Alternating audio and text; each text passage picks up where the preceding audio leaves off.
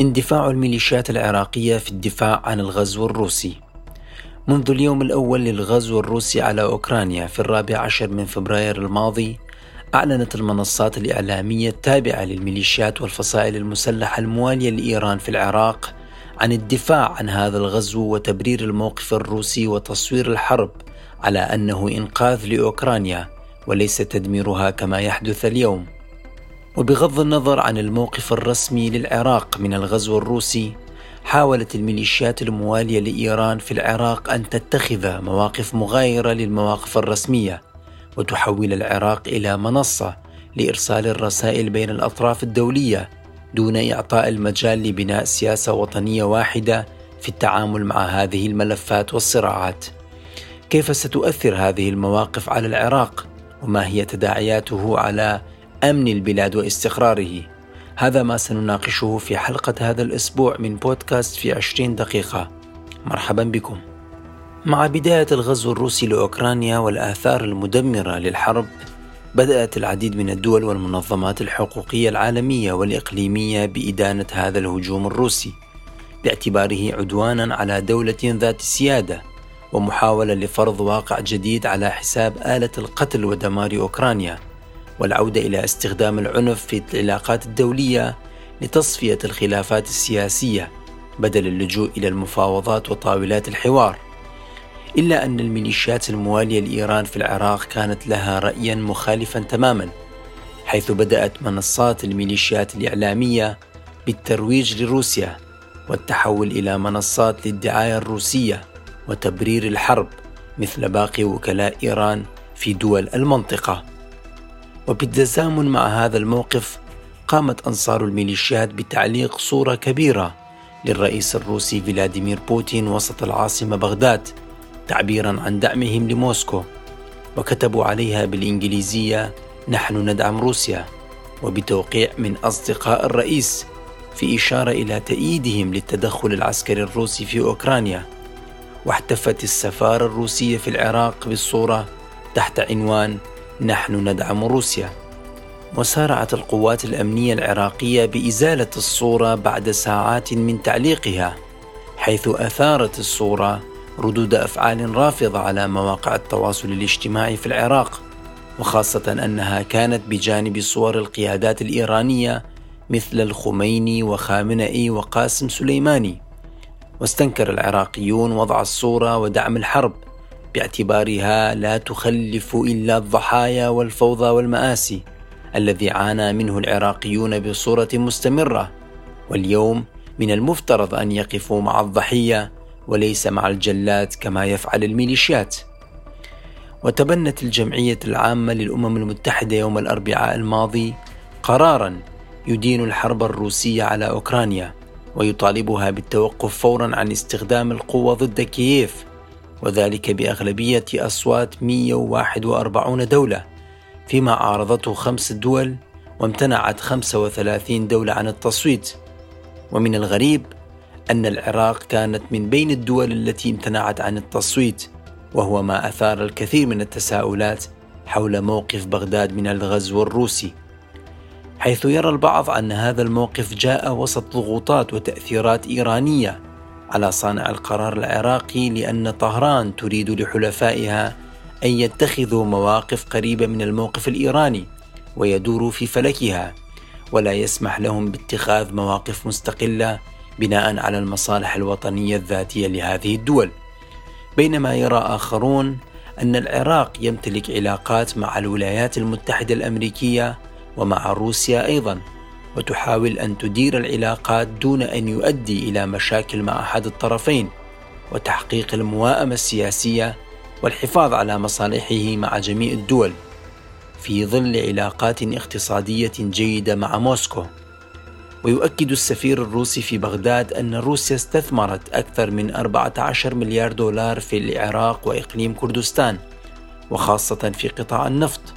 وتعمل أبرز شركات النفط الروسية في حقول النفط العراقية لوك أويل وغاز بروم نيفت وروس نفط وعلى خلفية العقوبات الأمريكية والأوروبية على روسيا طالب البنك المركزي العراقي الحكومة بالتريث في إبرام أي عقود مع موسكو أو تحويل أي مدفوعات مالية تمر من خلال النظام المالي في روسيا. وبالتزامن مع الدعم الإعلامي الميليشياوي لروسيا أعلنت صفحة القنصلية الروسية في البصرة أنها مستمرة بتلقي طلبات الانضمام إلى صفوف القوات المسلحة الروسية التي تقوم بعملية عسكرية ضد النظام النازي في أوكرانيا المدعوم من طرف أمريكا وحلفائها في الناتو بحسب تعبير القنصلية الروسية في البصرة. وأضافت بهذا الصدد نود إبلاغكم بأن القوات الروسية لديها القوة الكافية لحل هذه المشكلة ونشكركم على التفاهم والتضامن معنا كما كانت إشارة واضحة على التدخل في الشأن العراقي. وبعد ساعات قليلة على صدور البيان تم مسحه من صفحة القنصلية الروسية في البصرة. كما نفت السفارة الروسية في بغداد وجود طلب للانضمام إلى قواتها العسكرية واعتبرت ذلك مزاعم غير صحيحة. ويبدو أن الدعاية الميليشياوية للحرب الروسية قد نجح في دفع الكثيرين من أنصار الميليشيات للتفكير في الانضمام إلى الحرب الدائرة والقتال بجانب موسكو. وهذا ما دفعت القنصلية الروسية إلى إصدار هذا البيان وتأكيد الأمر. ويتضح من هذه الأحداث سواء رفع صورة بوتين أو منشور القنصلية الروسية في البصرة وهي المدينة التي ينتشر فيها الميليشيات الإيرانية بصورة كبيرة. أو الترويج الإعلامي للغزو الروسي يتضح أن الميليشيات والفصائل المسلحة تحاول إدخال العراق ضمن هذا الصراع الموجود بين الطرف الروسي والأطراف الأخرى وكسر حالة الحياد الذي يحاول الطرف الرسمي العراقي الحفاظ عليه بسبب المصالح الاقتصادية مع الجانب الروسي. وللمزيد حول هذا الموضوع نتحدث مع الدكتور علي الجابري رئيس اتحاد الصحفيين العرب في السويد ورئيس تحرير صحيفة يورو تايمز ونسأله طبعا عن كيفية تفسير اندفاع الميليشيات الإيرانية في المنطقة للدفاع عن روسيا والغزو الروسي وخاصة في العراق. بالحقيقة يعني إذا نريد نناقش موضوع الميليشيات الإيرانية واندفاعها نحو الغزو الروسي لازم بالبداية نناقش أو خلينا نعترف أنه هذه الميليشيات هي ليست صاحبة قرار وإنما هي تنفذ ما يأتيها من أوامر. وبالتالي عندما نفهم موقف هذه الميليشيات من أي قضية فإننا ندرك جيدا أن هذه جاءت بأوامر إيرانية صرفة لأن هذه الميليشيات بالتأكيد لن تخالف التوجه الإيراني. فيما يتعلق بالغزو الروسي إلى أوكرانيا لاحظنا أكو فعلا اندفاع من قبل الميليشيات الإيرانية آه، خاصة في العراق. كان عندهم يعني حتى اعلاميا تغطيات آه، تصب في صالح هذا الغزو. وأنا حقيقة فاهم آه، بشكل جيد إنه الأسباب الحقيقية اللي تقف وراء ذلك لأنه علينا أن لا ننسى التحالف الروسي ال- الذي كان مع هذه الميليشيات في سوريا للإبقاء على نظام بشار الأسد. وبالتالي كان هناك تحالف إيراني روسي مع هذه الميليشيات من أجل الإبقاء على نظام بشار الأسد. استمر هذا التحالف بشكل مستمر. حتى هذه اللحظة. وربما هم يشعرون أن آه، انتصار روسيا في هذا العملية ربما يؤدي إلى إلى هزيمة للغرب وهزيمة للولايات المتحدة وهم بالتالي يعتبرون هذا عدوهم الأساسي الذي يسعون إلى القضاء عليه أو الانتصار عليه أو اشغاله بمعارك أخرى تختلف عن المعارك التي يواجهونه بها وتقلل من الضغط عليهم خاصة وهم آه، مقبلون على يعني يستمرون في قضية التفاوض على الملف النووي الإيراني وهذه الأمور ربما تنعكس أيضا حتى على المفاوضات ولماذا تحاول هذه الميليشيات إدخال العراق في هذا الحرب والذهاب للقتال وتداعيات ذلك على البلاد؟ بالحقيقة موضوع الإعلان عن الاستعداد للتجنيد والذهاب للقتال يعني أنا أنظر له من زاويتين. الزاوية الأولى أن هذا الأمر ليس بجديد عليهم.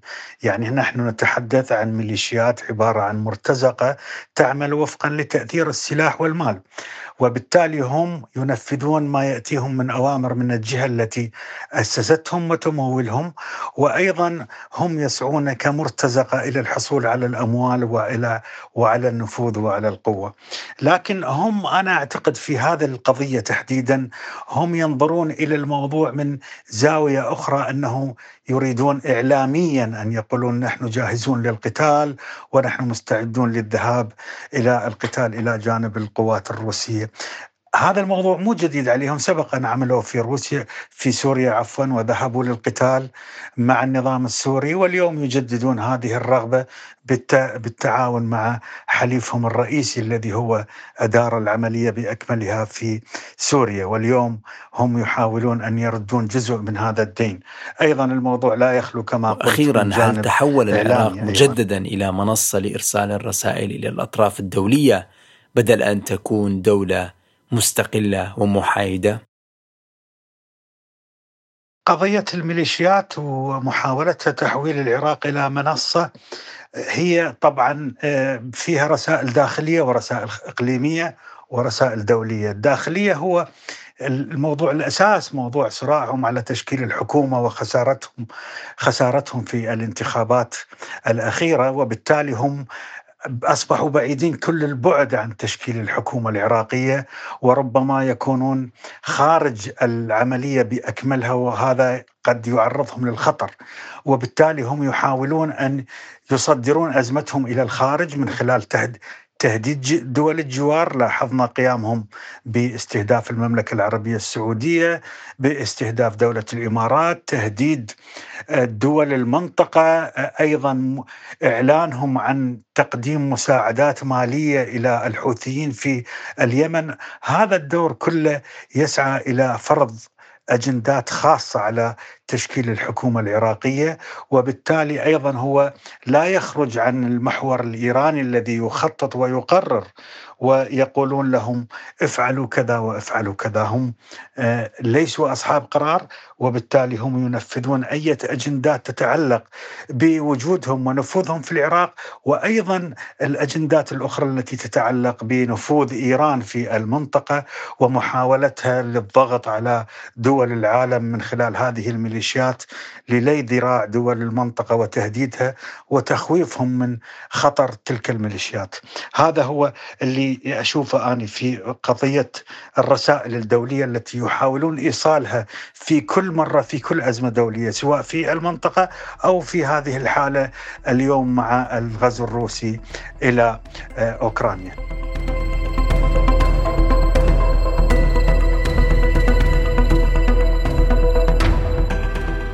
يدرك العراقيون جيدا أن بلادهم مر بالكثير من الحروب والصراعات ولم يتعافى بعد من آثار هذه الحروب والأزمات.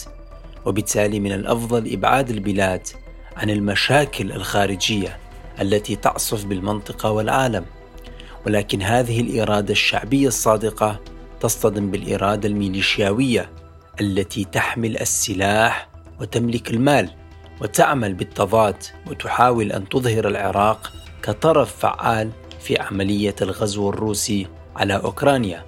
وتقوم بتأييد هذه العملية العسكرية سواء عبر المواقف الإعلامية أو البيانات أو حتى نشر صور الرئيس الروسي أو الاستعداد للانضمام إلى الجانب الروسي والقتال في أوكرانيا.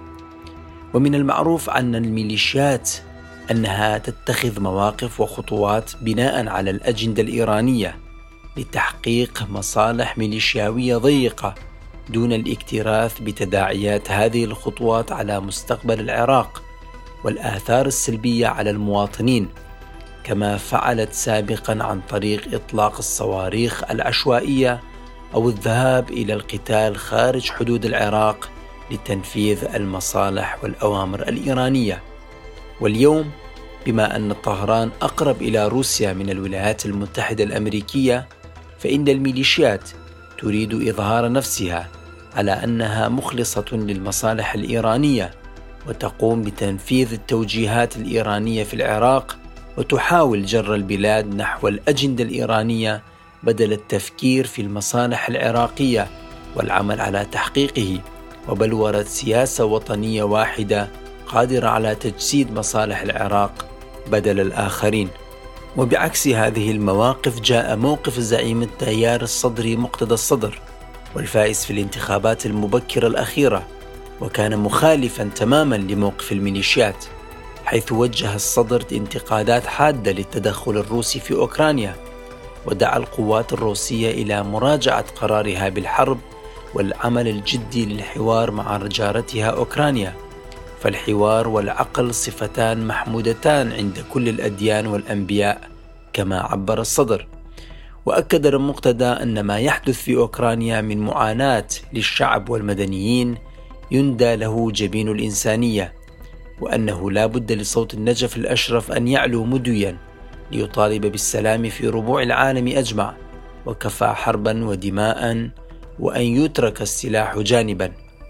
ويتعارض موقف مقتدى الصدر زعيم التيار الصدري مع موقف الميليشيات والفصائل المسلحة التقليدية التي تريد مساندة ودعم الغزو الروسي بكل الوسائل بينما يتوافق موقف الزعيم التيار الصدري مع موقف الحكومة العراقية في تحييد العراق مع ميل للمعسكر الغربي الذي يقوده واشنطن لإرسال رسائل سياسية معينة إلى الولايات المتحدة الأمريكية في ظل الصراع الموجود بين التيار الصدري وبين الإطار التنسيقي الموالي لإيران حول تشكيل الحكومة القادمة. ويستغرب الكثيرون أن موقف الميليشيات المندفع في الدفاع عن الغزو الروسي على أوكرانيا لم تشهده إيران ذاتها على الرغم من العلاقات القوية التي تربط طهران بروسيا والتحالف المتين بين الطرفين. إلا أن الميليشيات العراقية أكدت على إظهار نفسها كملكيين أكثر من الملك وليؤكدوا مجددا أنهم مجرد وكلاء للخارج ولا يمتلكون أي رؤية داخلية أو وطنية يتعلق بقضايا العراق ومصالحه. يدعو العراقيون إلى وقفه جادة وحقيقية لوقف تصرفات الميليشيات التي تشكل أداة خارجية للإضرار بمصالح العراق وخاصة أن هذه المواقف والتصرفات تؤدي إلى نسف كل الإنجازات والمحاولات التي تقوم بها العراق للظهور كدولة محورية وطبيعية في المنطقة قادرة على اللعب دورها بصورة إيجابية وتعطي صورة للاستقرار والحكومة القوية القادرة على فرض القانون والسيادة بصورة كاملة. أما تصرفات الميليشيات فهي تساهم في تشويه سمعة العراق داخليا واقليميا ودوليا واعطاء انطباع بأن الدولة ضعيفة مما تفتح المجال أمام هذه الميليشيات لترفع صوتها وتقوم بتنفيذ أجندتها بصورة مستقلة.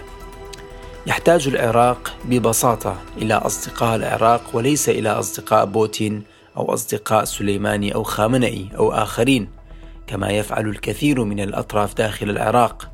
على الرغم من أن تمويلهم من الدولة العراقية ويستنزفون ثروات العراق إلا أن ولاءهم دائما لأطراف خارجية خارج الحدود مثل إيران أو روسيا أو حزب الله اللبناني أو الحوثيين في اليمن أو أي جماعة أخرى خارجية تبني مصالحها على حساب العراقيين. وظهرت ازدواجية الميليشيات بصورة واضحة من خلال اتخاذها هذا الموقف فعلى الرغم من رفعها للشعار طرد القوات الأمريكية من العراق بحجة أنها قوات محتلة إلا أنها في الجانب الآخر أيدت ودعمت احتلال بلد آخر من قبل القوات الروسية. وهذا يعني أن الميليشيات لا تتمتع بمبادئ ثابتة بقدر ما هي تتحرك وفق أجندة خارجية تتوافق مع مصالحها الضيقة. وبالتالي أدى هذا الأمر إلى وقوفها إلى الجانب الغزو الروسي ضد أوكرانيا دون مراعاة المعايير الإنسانية أو التفكير بالشعب الأوكراني الذي يدفع ثمن هذا الغزو كما أن الميليشيات التي تتعهد دائما بإقامة دولة العدل الإلهي مستقبلا ناقضت نفسها بصورة كبيرة عندما أيدت ديكتاتور شرس يقوم بالتدمير وهي احتلال دولة أخرى ذات سيادة. وبالتالي الميليشيات أدخلت نفسها في موقف محرج أمام أنصارها الذين كانوا ينتظرون منها مواقف إنسانية لتثبيت الادعاءات والشعارات التي يرفعونها دائما. ولكن هذا الموقف الأخير أكد مجددا أن الميليشيات لا تمتلك مبادئ ثابتة بل هي تتحرك وفق أجندة سياسية وبراغماتية متعلقة بالمصالح الإيرانية داخل العراق وفي المنطقة بالكامل. لا يمكن للعراق أن يؤسس لدولة قوية في ظل بقاء هذه الفصائل المنفلتة والميليشيات على الساحة العراقية التي تؤكد في كل موقف ومع كل حدث أنها لا تخضع للقوانين العراقية وتدور في الفلك الإيراني وبالتالي تساهم في تقويض السيادة العراقية وتدفع بالعراق إلى الدخول في أزمات ومشاكل هي في غنى عنها. ويأمل العراقيون أن تكون الحكومة القادمة قادرة على وضع حد لتجاوزات الميليشيات ونزع سلاحها وتجفيف مواردها المالية حتى لا تستطيع أن تؤثر على وضع العراق الأمني وعلى الاستقرار ولا تقوم بنسف كل الجهود التي تحققت خلال الفترات الماضية. إلى هنا انتهينا من حلقة هذا الأسبوع من بودكاست في عشرين دقيقة تحدثنا فيها عن أسباب وتداعيات اندفاع الميليشيات العراقية في الدفاع عن الغزو الروسي ضد أوكرانيا. شكرا لكم لحسن الاستماع وإلى اللقاء في الحلقات القادمة